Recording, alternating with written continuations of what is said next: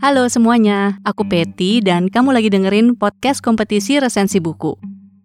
Seperti yang aku pernah bilang di episode-episode sebelumnya nih, ini dalam rangka menunggu kiriman resensi dari teman-teman yang berpartisipasi di kompetisi, aku mau memutar hasil rekaman Instagram Live beberapa waktu lalu barengan sama teman-teman bookstagrammer yang waktu itu tuh aku ngobrolin soal cara-cara meresensi buku. Nah, teman pembaca keempat yang aku ajak ngobrol lewat Instagram Live itu namanya Cynthia Astarina. Kalau di Instagram, akunnya itu @cynthia_with_books. Cynthia ini udah rajin banget mereview buku di Instagram. Beberapa juga ada yang dia bikin versi lebih panjangnya, itu ada di websitenya dia. Namanya cynthiaastarina.com.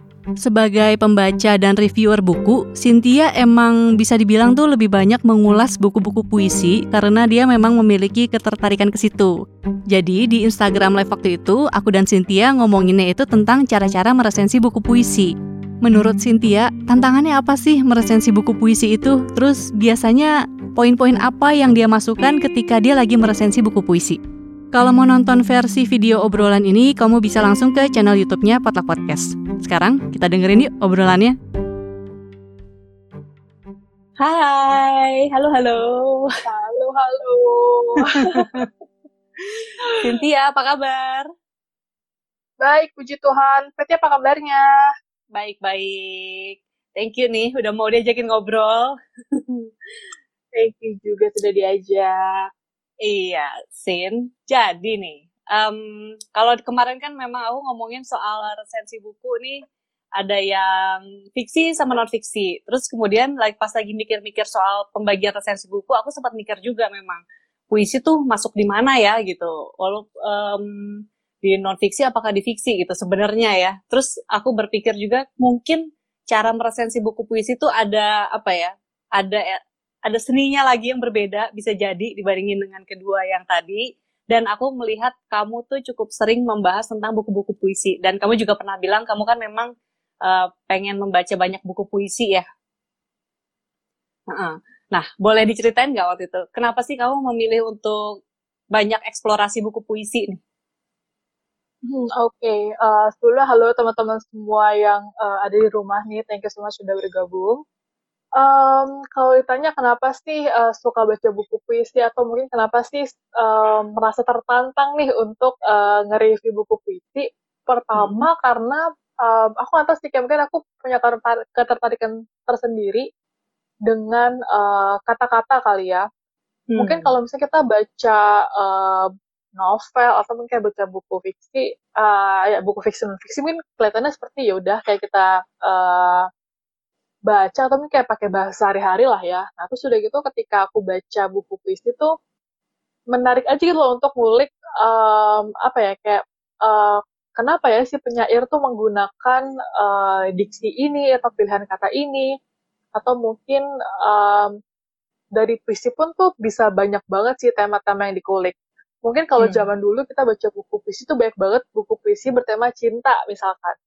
Hmm. Nah kalau zaman sekarang tuh macam-macam banget gitu loh. Ada yang uh, menulis puisi soal wanita, soal um, alam. Jadi kayak apa ya? Kayak seru banget sih bisa uh, belajar banyak juga ketika si penulis itu me, apa ya uh, menulis sesuatu tapi dengan kata-kata yang indah jadi kayak apa ya uh, jadi kayak happy aja sih kayak ngebaca jadi kayak ada sesuatu yang beda gitu loh ketika membaca buku. Hmm, oke. Okay. Mungkin hmm, kalau dari kamu sendiri ada apa ya? Ada pengalaman yang menyenangkan atau dina apa ya? Peng, mungkin pengalaman yang menyenangkan atau menyebalkan nih dari ketika membaca buku puisi. Ada nggak kalau kamu? Uh, mungkin dari sisi yang nyebelin dulu kali ya. Kalau dari yeah. sisi yang nyebelin itu mungkin lebih ke ketika aku baca buku puisi, Uh, nah buku puisi kan biasanya emang lebih pendek-pendek kan, lebih yang kalau misalnya kita kayak baca buku novel atau buku non fiksi itu pasti kayak panjang banget gitu kan. Tapi kalau buku puisi itu paling kayak uh, berbentuk bait-bait, terus udah gitu mungkin kayak kata-katanya nggak terlalu uh, abstrak, kata-katanya nggak terlalu banyak. Tapi ketika kita membacanya, uh, jangan salah, itu tuh malah jadi kayak butuh uh, apa ya pemahaman ekstra gitu loh ketika kita uh, ingin menginterpretasikan atau uh, memberi suatu makna terhadap uh, apa ya puisi tersebut gitu loh. Hmm. Sering banget ketika aku baca buku puisi, aku tuh nggak ngerti ini tuh si penulis tuh pengen ngomong apa sih gitu. Jadi kayak aku tuh mesti uh, baca untuk kedua kali, baca berulang kali. Mungkin di situ sih letak tantangannya sih, karena um, apa ya? Kadang tuh penyair ketika menulis buku puisi pun um, mereka tuh kayak bisa suka-suka aja gitu. Jadi kayak mungkin uh, mereka punya makna A, tapi ketika sampai ke telinga atau sampai ke pembaca tuh mungkin maknanya bisa jadi B. Contoh kayak gitu kan. Hmm, nah, hmm, terus hmm. udah gitu, mungkin tuh sisi menyebalkan tuh kayak sisi challengingnya gitu. Dan kalau hmm. misalnya ketika kita menulis reviewnya pun, um, untuk buku puisi yang mungkin uh, konteksnya kita belum dapet nih kayak, aduh nih penyanyi tuh kayak ngomongin apa sih? Nah, hmm. Nah kita tuh kayak beneran harus cari referensi lainnya sih.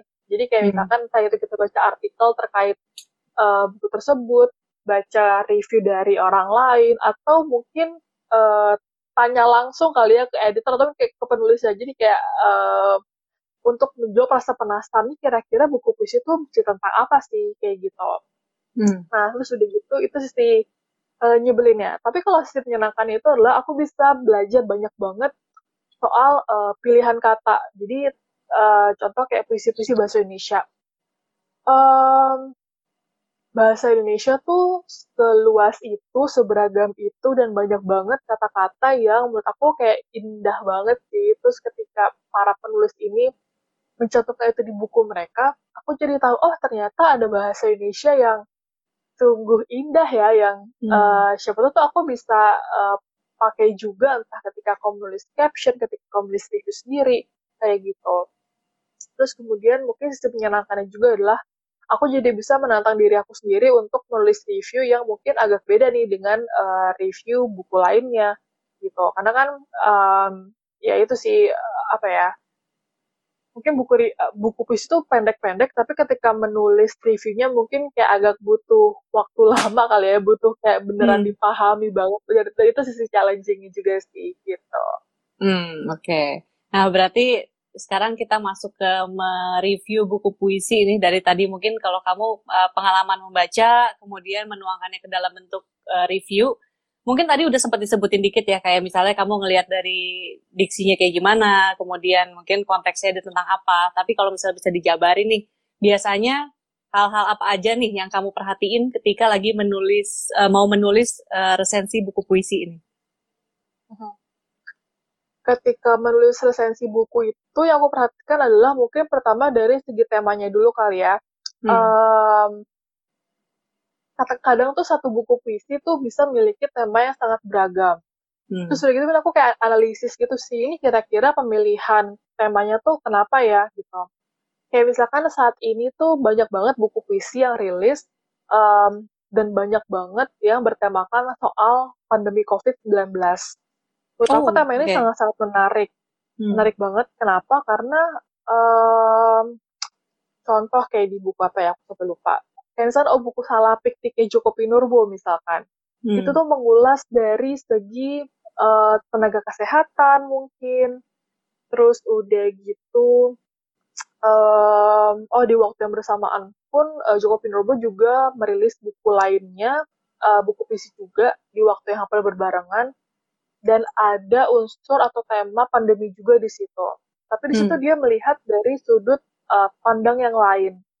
Jadi kayak menarik aja ya, ah ternyata um, penyair tuh punya apa ya kayak uh, kepekaan yang begitu tinggi terhadap lingkungan sekitar dia gitu loh. Terus jadi hmm. ketika aku uh, membandingkan tema satu dengan yang lainnya, meskipun boleh sama, oh ternyata dia tuh punya perspektif yang beragam banget ya. Even kayak um, hal-hal kecil pun kayak tidak luput dari pandangan atau pemikiran mereka gitu loh. Sama hmm. kayak waktu kayak pernah kita bahas itu loh Peti yang uh, Aan Mansur ya. Hmm. Yang waktu kita bilang, oh ini kayaknya pada penyair itu kayak overthinking banget ya. kayaknya um, hal sekecil apa pun tuh uh, dipikirin banget banget bahkan bisa dijadiin puisi gitu kan itu kan pertama yeah. menarik banget sih itu dari segi temanya hmm. terus udah gitu mungkin dari segi uh, pilihan kata juga kali ya contoh kalau kayak Joko Pinurbo katakanlah Joko Pinurbo itu adalah tipe penyair yang um, lugas banget sih ketika nulis puisi. Jadi kayak aku tuh nggak yeah. perlu yang sampai overthinking banget. Aduh ini si Jopin tuh ngomong apa sih gitu kan? Karena dia kayak yeah. beneran yang seluas itu ketika menulis. Maksudnya dia kayak mm, nggak perlu mengukir kata yang indah banget, hmm. tapi dengan kata yang uh, dengan stylenya dia, aku tuh bisa nangkep, oh ternyata ini loh pesan yang ingin disampaikan oleh penyair kayak hmm. gitu terus udah gitu uh, mungkin ada juga penyair lain yang uh, menggunakan kata-kata indah contoh uh, nah itu mungkin kita kayak bisa analisis juga sih oh mungkin dari unsur estetika tuh mungkin itu memang perlu kayak gitu-gitu sih hmm. terus udah gitu uh, itu sih dua utama dari tema terus udah gitu dari uh, pilihan diksi juga dan kadang ketika aku menulis review aku tuh pasti kayak mungkin apa ya uh, memperhatikan secara keseluruhan juga sih. Mungkin kayak dari segi pengalaman aku ketika membaca mungkin lebih ke feeling apa sih yang uh, yang ditimbulkan ketika aku membaca puisi puisi-puisi di buku itu. Contoh hmm. tadi mungkin uh, case-nya salah piknik cukup Rubo lagi. Aku tuh kayak sampai memetakan kira uh, ketika aku baca feel apa sih yang aku uh, rasakan gitu loh jadi kayak ada puisi-puisi yang bikin aku berkaca-kaca itu ada. Ada puisi yang bikin aku merenung itu ada. Even ada puisi yang bikin aku nangis tuh ada juga gitu. Aku juga oh, sampai iya? kaget gitu. Oh, iya kayak ah buset baca buku puisi tuh kayak bisa bikin nangis kayak uh, mungkin karena uh, ngerti konteksnya, tahu kondisinya dan uh, relate juga kali ya. Jadi kayak uh, sisi personal itu sih yang mungkin uh, jadi salah satu pertimbangan ketika menulis review itu sih gitu. Ingat nggak bagian uh, puisi apa yang bikin nangis? Ada. Jadi waktu itu Joko Pinurbo uh, nulis puisi tentang Sapardi. Jadi waktu ketika Sapardi hmm. berpulang, terus udah gitu uh, puisi itu uh, ditulis oleh Jokpin, terus udah gitu pas uh, baca tiba-tiba berkaca-kaca. Terus udah gitu ada juga puisi yang kedua itu adalah uh, puisi soal Joko Utama. Uh, dia mm -hmm. pendiri Kompas yang yeah. tahun ini uh, tahun eh tahun ini tahun kemarin ya pokoknya oh, di masa pandemi juga. Uh, beliau berpulang juga Uh, jadi kebetulan dulu tuh aku juga sempat uh, apa ya kerja di grup KG juga terus udah gitu juga hmm. sempat ketemu sama Pak Jakob Utama juga jadi kayak mungkin ngena banget sih puisi jadi kayak hah kok tiba-tiba uh, merembes nih air mata ketika baca buku puisinya gitu oke okay. emang puisi-puisi Jokpin tuh kelihatannya ya memang simpel ya tapi banyak yang mungkin makanya makanya orang-orang tuh juga suka ya banyak yang relate ke orang banyak ya dari kata-kata yang dia pakai itu. Oke. Okay. Nah, um, menurutmu nih perlu nggak ngebandingin tadi kan mungkin dari sisi oh dari pengalaman pribadi itu seperti ini gitu ketika melihat puisinya. Apakah kamu juga melakukan analisis misalnya uh, ngebandingin sama karya penulis sebelumnya atau dengan karya pen, uh, penyair yang lain gitu? Uh-huh. Kalau itu sebenarnya kayak kadang tentatif sih ya. Jadi kayak uh, contoh ada uh, penyair yang mungkin karya-karya itu selalu aku baca. Contoh kayak Arman Shur, contoh kayak gitu kan hmm. uh, bisa aja aku membandingkan uh, apa ya buku uh, PCDS yang mungkin kayak baru rilis dengan yang uh, udah terbit sebelumnya gitu. Mungkin lebih ke membandingkan gimana sih cara penulisan dia atau mungkin ada nggak nih perkembangan dari segi tema, dari segi skill menulis segala macam kayak gitu. Hmm. Atau mungkin biasanya aku membandingkan dengan penulis yang uh, serupa gitu. Contoh hmm kemarin itu sempat baca buku puisi yang uh, apa bukunya uh, Lucia Priandarini ya kalau nggak salah namanya. Oh. Uh-huh. Nah terus udah gitu puisi dia tuh juga sebenarnya uh, lugas banget. Terus udah gitu jenaka juga. Terus kalau misalnya kayak ingat kata jenaka, aku tuh pasti kayak langsung, oh ya ini tuh kayak gaya berpuisinya Joko Pinurbo ya, atau mungkin ini tuh mirip dengan gaya berpuisinya Beni Satrio. Terus aku kayak um, lebih ke nulis, oh ya ini tuh kayak gaya berpuisinya tuh mirip seperti mereka gitu loh. Dan mungkin dari situ aku juga kayak bisa ngasih rekomendasi, oh kalau misalkan teman-teman suka baca buku puisi ini, uh, dengan gaya yang seperti itu, mungkin teman-teman juga bisa nih untuk baca buku puisi uh, Beni Satrio atau mungkin Arman Shur. Jadi kayak lebih ada hmm. further readingsnya gitu sih. Hmm, oke. Okay. Oke, okay.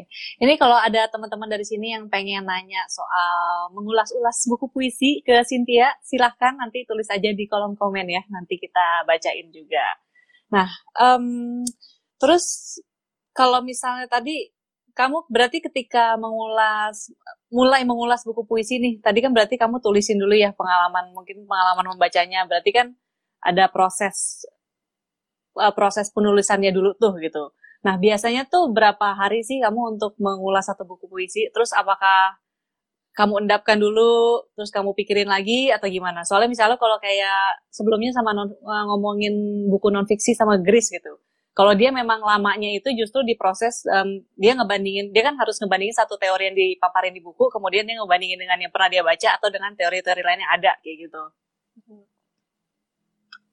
Kalau aku sendiri sih sebenarnya mungkin um, tergantung juga sih kadang kayak bisa cepet kadang uh, lama. Karena ketika aku nulis pui, uh, buku pui eh buku puisi nulis review buku puisi hmm. um, aku tuh juga pasti mungkin kayak riset dulu kali ya. Risetnya tuh mungkin lebih ke kalau misalnya aku nggak ngerti konteks yang dibicarakan oleh si penulis aku mungkin kayak uh, desk research gitu. Jadi kayak mungkin kayak riset uh, di internet dulu um, atau mungkin kayak riset di Goodreads nih kayak misalkan hmm. ada nggak sih yang udah pernah uh, mereview buku tersebut gitu loh. Karena kadang ketika aku uh, menulis sebuah review, aku tuh butuh banget perspektif lain. Jadi hmm. kayak um, apa ya? Mungkin sepenangkapan aku ketika aku membaca, oh ya udah di sini doang gitu loh. Tapi ketika aku membaca buku uh, review yang lain, mungkin uh, perspektif aku jadi kayak lebih luas. Jadi kayak uh, oh ya kok gue nggak kepikiran ya sebelumnya dengan uh, apa yang diutarakan itu. Uh, terus udah gitu siapa tahu itu juga kayak bisa jadi apa ya nambah insights juga sih untuk uh, menulis review tersebut. Cuman aku biasanya cepet sih karena mungkin uh, lebih ke sharing uh, pengalaman ketika uh, membaca bukunya, terus udah gitu ya tapi uh, emang sih kayak kadang uh, butuh riset lanjutan, terus udah gitu mungkin kayak tadi kita pengen ngebandingin dulu nih uh, buku yang satu dengan yang lain itu kira-kira uh, mungkin berkesinambungan atau enggak. Jadi mungkin kayak biar lebih lengkap dan komprehensif gitu sih uh, dari segi reviewnya. Hmm, oke. Okay. Kalau pemilihan kamu dalam membaca, dalam memilih nih buku puisi yang mau kamu baca, biasanya gimana sih? gimana ya? Itu macam-macam sih. Kadang hmm. uh, ada yang auto buy gitu. Jadi kayak oh iya buku ya uh, siapa? gitu kan. Uh, terus aku kayak langsung beli. Terus pasti kayak uh, aku baca. Atau mungkin ada buku puisi siapa nih yang mungkin kayak lagi hype penulis baru atau siapa terus kayak penasaran juga kan kira-kira uh, hmm. gimana sih cara dia menulis karena zaman sekarang tuh kayak banyak banget penulis muda yang uh, menulis buku puisi terus udah gitu mungkin dari segi temanya juga kali ya karena mungkin hmm. kalau zaman dulu tuh banyak banget buku puisi bertema cinta apa segala macam tapi kalau sekarang tuh oh dan mungkin kayak kalau zaman dulu tuh banyak banget uh, puisi-puisi yang mungkin kayak uh, rhyming kali ya uh, kayak uh, a a a, a strukturnya atau hmm. mungkin satu bait harus empat baris kayak gitu gitu kalau yeah. sekarang tuh sebebas itu kan. Hmm. Dan um, itu sih yang bikin aku penasaran dan pengen membaca sebanyak-banyaknya karya uh, para penulis uh, puisi ini. Karena banyak banget nih kayak penulis muda yang bikin uh, buku puisi dan mereka tuh beneran yang uh, menjadikan puisi ini sebagai sarana mereka untuk uh, menyuarakan uh, isi hati mereka. Ini kayak untuk uh, bersuara deh gitu kan. Hmm. Karena aku pernah baca soal uh, contoh kalau kayak buku puisinya Home Baby uh, karya Rupi Kaur gitu um, hmm. dia tuh banyak banget nulis tema soal uh, wanita, uh, feminisme, terus udah gitu soal uh, apa ya uh, imigran, saya itu hmm. adalah tema-tema menurut aku menarik banget gitu loh kayak uh, atau ketika uh, dia menulis soal tema cinta pun bukan dulu cinta antara uh, apa ya uh, cewek dan cowok gitu tapi bisa aja tema cinta itu lebih ke uh, dengan keluarga atau mungkin tema cinta dengan diri sendiri. Hmm. kayak gitu. Dan itu uh, menurut aku kayak menarik banget sih. Itu sudah gitu atau mungkin juga ada home book karyanya Heidi. Dia itu uh, apa ya menyuarakan soal uh, body positivity terus udah gitu hmm. uh, apa menyuarakan ketika dia di masa muda terus udah gitu kayak kegalauan apa sih yang dia alami dengan diri sendiri dengan keluarga. Jadi kayak aku jadi tahu sih banyak banget perspektif. Um, mungkin uh, apa ya dan aku jadi kayak sadar oh ternyata orang-orang tuh ketika menyuarakan uh, isi hati dan pemikiran mereka uh, bisa banget lewat tulisan dan gak melulu dengan tulisan yang panjang seperti tulisan novel. Tapi kayak dari tulisan uh, itu bahkan jadi apa ya uh, feel dan energy tuh jadi kayak lebih kerasa sih gitu. Hmm, oke, okay. iya sih, memang ada, iya ya, memang ada perasaan yang berbeda ketika membaca buku ketika kita mungkin merasakan isu yang disampaikan dari puisi mungkin ketimbang dari buku ya buku non fiksi gitu ya karena kan interpretasinya juga bisa luas banget terus bisa ya bisa benar-benar berdasarkan pengalaman pribadi juga gitu dan um, kalau misalnya tadi kamu ngomongin mungkin um, buku-buku puisi yang kamu suka nih gitu terus kayak kamu memang merasa connected gitu dengan si puisi-puisinya.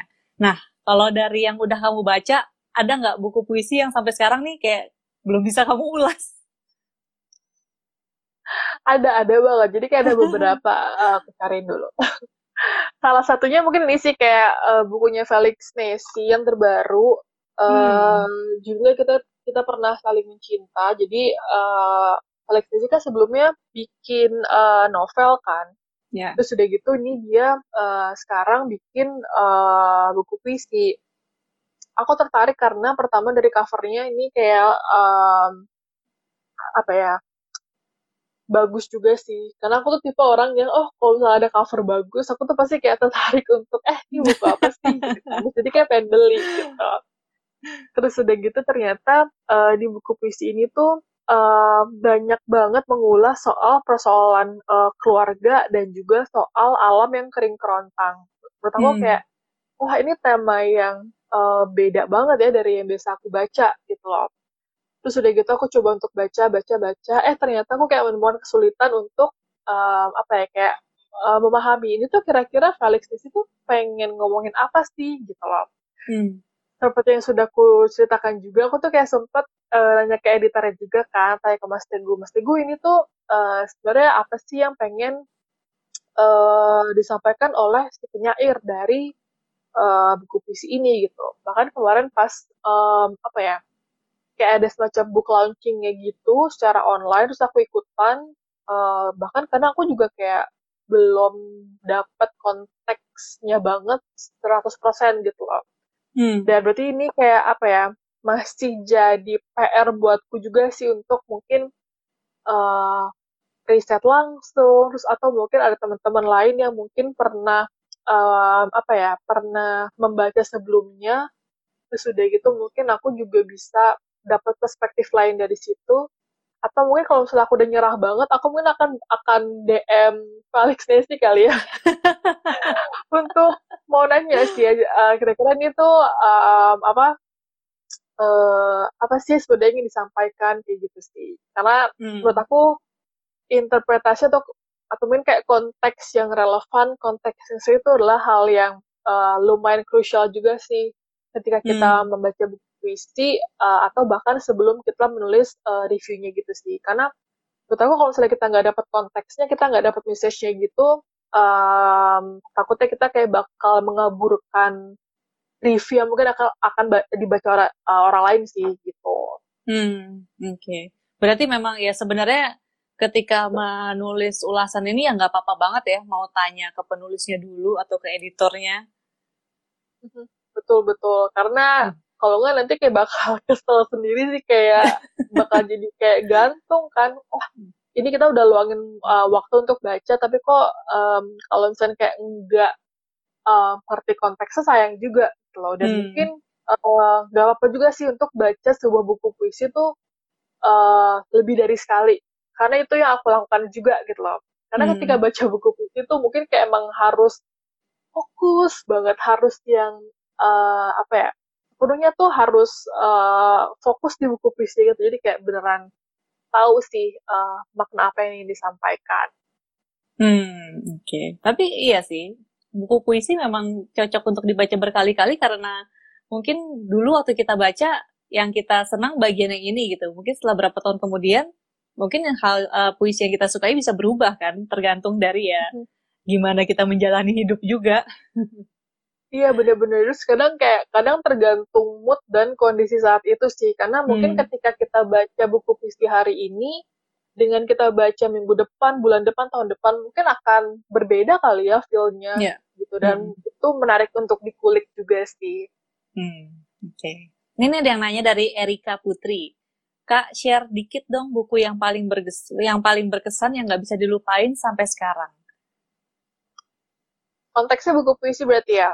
Coba buku puisi deh. Nah, uh, kalau buku puisi mungkin salah satunya adalah bukunya Rupi Kaur kali ya, uh, hmm. yang Milk and Honey.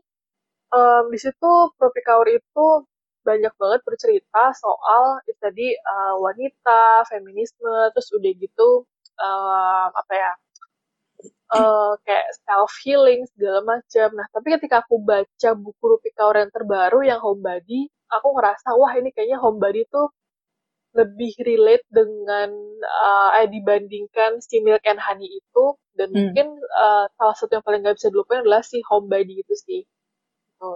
Karena menurut aku uh, temanya lebih lebih oke, okay, lebih relate dengan zaman sekarang gitu sih.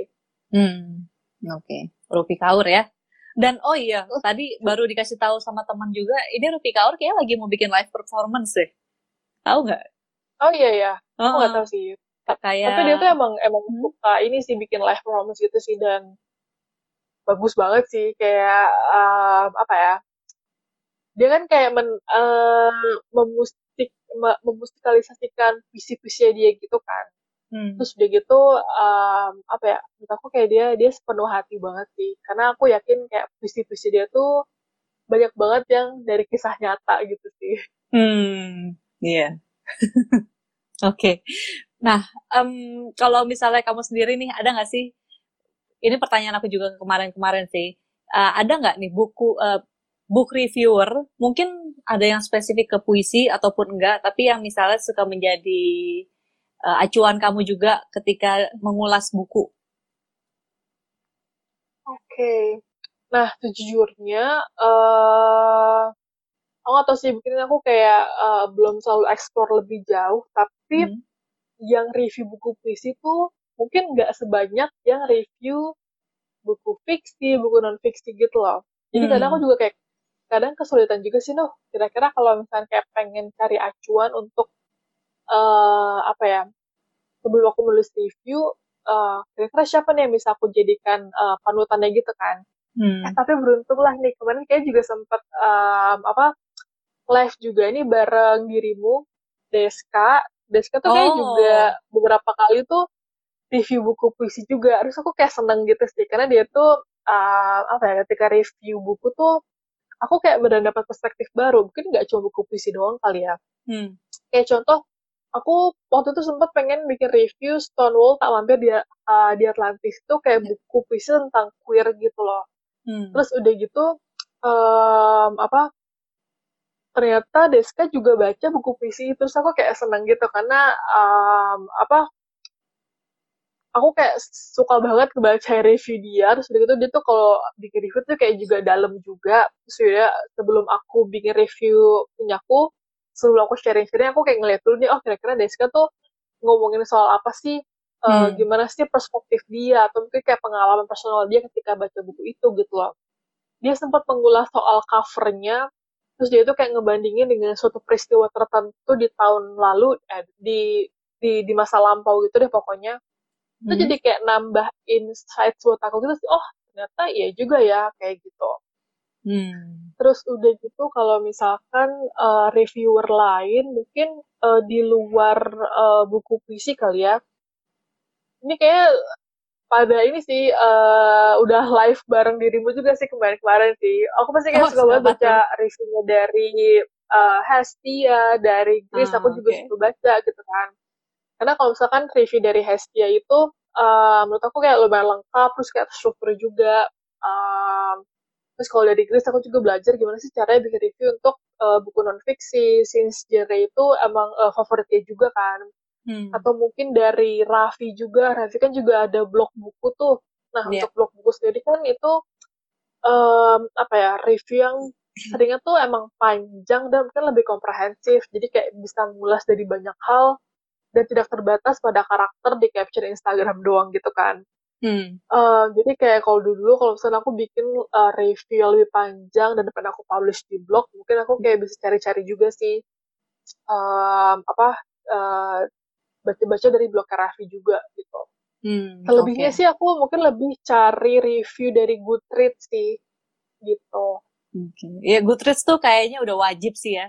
Sebelum nulis review yeah. kayaknya ngeliat dulu di situ gitu. Orang-orang bilang apa ya gitu. iya bener-bener. Tapi mungkin ini ya, nggak um, apa-apa ngebaca banyak review orang sebelum kita menulis review sendiri, tapi mungkin make sure kita udah punya pandangan sendiri nih tentang buku itu gitu. Jangan hmm. sampai nanti jadinya kepengaruh sama orang terus jadi apa tadi yang mau diomongin ya? Terus lupa sendiri lagi. Iya iya benar. ini um, oh ya mungkin tadi kasih tahu dikit ke teman-teman siapa tahu ada yang belum tahu kalau Deska itu bisa lihat di Instagram namanya Des Canto ya. Terus kalau misalnya Hesti mungkin udah pada tahu juga sih, tapi siapa tahu belum tahu. Kalau Hesti itu ada um, Hesboys 1906, Boy 1906. Kalau Gris itu at im Gris, S-nya 2. Sama Raffi itu at R-A-F-I-A-N-D. R-A-A-F-I-A-N-D. Jadi silahkan diceki-ceki karena semuanya menulis review memang dengan komprehen komprehensif banget. Um, oh, ini ada yang Erika nanya lagi nih kalau nge-review suatu buku nih Kak, apa pun itu, esensi apa sih yang harus tercantum di dalamnya? Yang paling penting yang bikin review itu jadi menarik buat dibaca. Um, menurut aku lebih ke sisi personal ketika kita membaca buku itu sih. Karena ketika, um, again, ketika kita baca buku, buku apa pun itu, buku fiksi, fiksi, non-fiksi, um, membaca itu adalah pengalaman yang sangat-sangat personal kan, untuk hmm. uh, masing-masing individu mungkin ketika aku baca buku A, um, Petty juga baca buku A, mungkin uh, kita punya pengalaman yang berbeda nih. Uh, mungkin Petty bisa bilang A, aku bisa bilang B gitu loh. Dan mungkin itu sih yang um, apa ya bikin suatu review buku tuh jadi terlihat lebih um, menarik juga gitu. Hmm. Dan ketika kita punya perspektif lain terhadap uh, isi buku, menurut aku kayak ya udah mungkin kita juga bisa coba untuk sampaikan itu gitu loh karena uh, mungkin ketika kita contoh ketika kita buka Goodreads itu kan kayak uh, pasti banyak banget nih um, perspektif dari orang lain. Kalau misalkan uh, kita enggak oh dan mungkin juga harus jujur kali ya. Um, karena ketika kita uh, nulis review, ketika kita emang enggak struck atau mungkin kita enggak suka sama bukunya, masa kita harus bilang oh ya ini aku suka banget loh kayak aku pengen rekomendasinya untuk teman-teman maksudnya kayak itu kayak bakal menyesatkan pembaca juga gitu loh hmm. mungkin uh, apa nggak apa-apa juga sih kita bilang oh ya kayaknya mungkin buku ini emang nggak cocok aja di kita. Tapi siapa tahu kalau misalnya teman-teman lain pengen baca uh, ya monggo silakan kayak gitu. Terus udah gitu um, apa lagi ya? Itu sih tadi mungkin kayak lebih ke uh, kita bisa sharing pengalaman personal kita mungkin lebih ke apa sih yang kita suka, apa sih yang kita nggak suka, apa sih yang mungkin bisa di uh, improve lagi oleh si penulis uh, supaya nanti di ke depannya bisa lebih baik lagi nih untuk tulisannya gitu. Terus mungkin kayak uh, kejujuran itu juga sih ketika kita menulis review. Jadi kayak um, apa ya pembaca lain pun juga kayak bisa tahu nih, oh ternyata uh, satu buku tuh mungkin emang uh, bukan untuk semua orang gitu loh kayak again hmm. tadi uh, mungkin ketika aku baca buku A dengan ketika baca buku yang sama uh, kita punya pengalaman dan perasaan yang berbeda gitu. Iya yeah, betul. Jadi yang menarik sih sebenarnya point of view masing-masing yang mereview bukunya sih, hmm. itu justru yang bikin jadi spesial sebenarnya ya. Betul. Hmm. Kalau misalnya tahun ini, Sin, kamu udah baca berapa buku nih? Berapa ya? Jadi pokoknya tahun ini tuh aku menargetkan ada sekitar 50 buku. Hmm. Ini sebenarnya kayak agak ambis sih. Kayak tahun lalu tuh aku menargetkan berapa ya? Eh nggak banyak sih karena aku tahu um, aku tuh tipe yang uh, mungkin agak lambat sih ketika membaca terus udah gitu mungkin kayak uh, butuh fokus banget nih supaya aku tuh bisa baca lebih banyak buku hmm. uh, tapi kayak ngeliatin tahun lalu tuh oh ya kok ternyata aku tuh bisa baca sekitar 40-an buku gitu loh terus udah gitu ya udah hmm. tahun ini bulat pindah jadi 50 gitu kan hmm. terus pokoknya sampai bulan April ini kayak kemarin sempat cek di Goodreads tuh kayak udah udah uh, sekitar 30 persen sih. 30 persen oh. achieve. Mungkin kayak belasan sih mungkin hampir 20 sih. Mungkin ya. Wow 20 lumayan.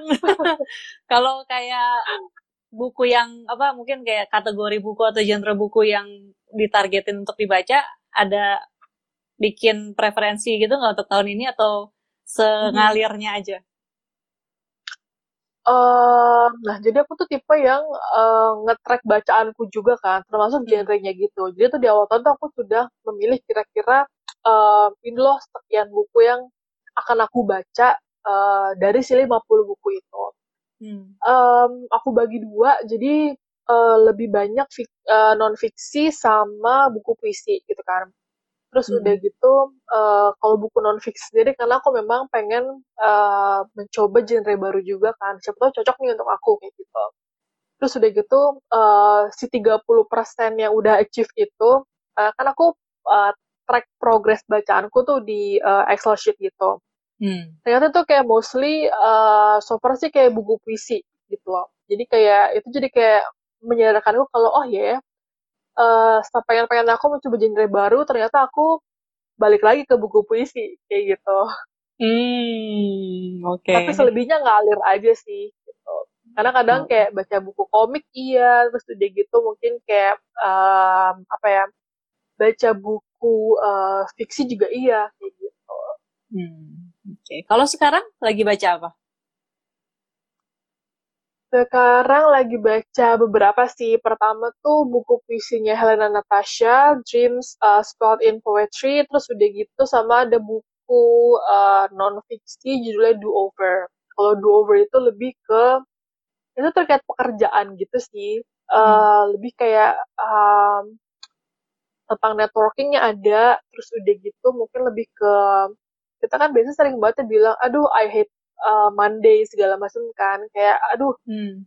uh, apa mungkin kayak hari Minggu tuh adalah uh, pre Monday gitu loh. Jadi kayak um, orang-orang ngerasa aduh kok kayak cepet banget ya udah hari Senin lagi kayak malas nih kerja apa segala macam. Terus dia kayak lebih ngasih tips uh, sharing sharing pengalaman dia gimana sih caranya supaya kita lebih mencintai pekerjaan kita. Terus udah gitu dari segi networking juga gitu sih Hmm, oke. Okay. Oke, okay. itu udah itu masih lagi ongoing ya berarti dua-duanya ini ya? Kalau yang si uh, buku puisi itu baru mau mulai baca. Kalau untuk yang si uh, buku non fiksi uh, kayak udah setengah sih. Hmm. Masih ongoing. Oke, okay. baiklah kalau begitu. Cynthia, terima kasih sudah mau diajak ngobrol-ngobrol nih soal buku-buku puisi. Ternyata memang mungkin kalau tadi ngelihat lagi ngetrack buku bacaan ternyata akhirnya balik-balik lagi ke buku puisi jangan-jangan ini comfort zone gue ya buku puisi ini? Bisa jadi sih. Oke okay, kalau gitu thank you ya Sin. Thank you juga Patty. Iya. Terima kasih juga buat teman-teman yang udah ikutan ngobrol di sini udah ikutan dengerin juga Terus um, memang obrolan ini juga memang dibuat dalam rangka podcast mematakan lagi membuat kompetisi podcast resensi buku nih. Jadi resensi buku tapi formatnya audio. Nah, kerjasama dengan Gramedia Pustaka Utama dan Goshen Suara Indonesia. Jadi kalau misalnya ada dari teman-teman yang mau ikutan, kemarin udah dipaparin kan, udah ada tentang resensi buku fiksi, tentang resensi buku non fiksi, dan hari ini tentang resensi buku puisi. Jadi silahkan pilih-pilih bukunya, buku GPU tahun 2020 sampai sekarang, udah banyak banget yang terbit. Silahkan dipilih bukunya, kemudian mulai ditulis nih ulasannya, eh baca dulu sih ya, baca dulu, terus mulai tulis ulasannya apa, dan nanti siap-siap juga untuk direkam dalam format audio. Dan tenang aja karena nanti aku masih akan ngobrol juga dengan beberapa teman lagi soal rekaman audio, kemudian juga gimana sih mungkin mengulas dari bentuk tulisan di aliwahanakan ke audio tuh ya ada bedanya atau enggak kayak gitu juga nanti akan ada pembahasannya. Jadi tungguin aja di Instagramnya Potluck Podcast untuk tahu jadwalnya. Sekali lagi terima kasih sudah sudah dengerin ya obrolannya dan Cynthia juga thank you banget ya untuk obrol-obrolnya nih. Thank you Betty. Iya. Dadah semua. Dadah Cynthia. Bye.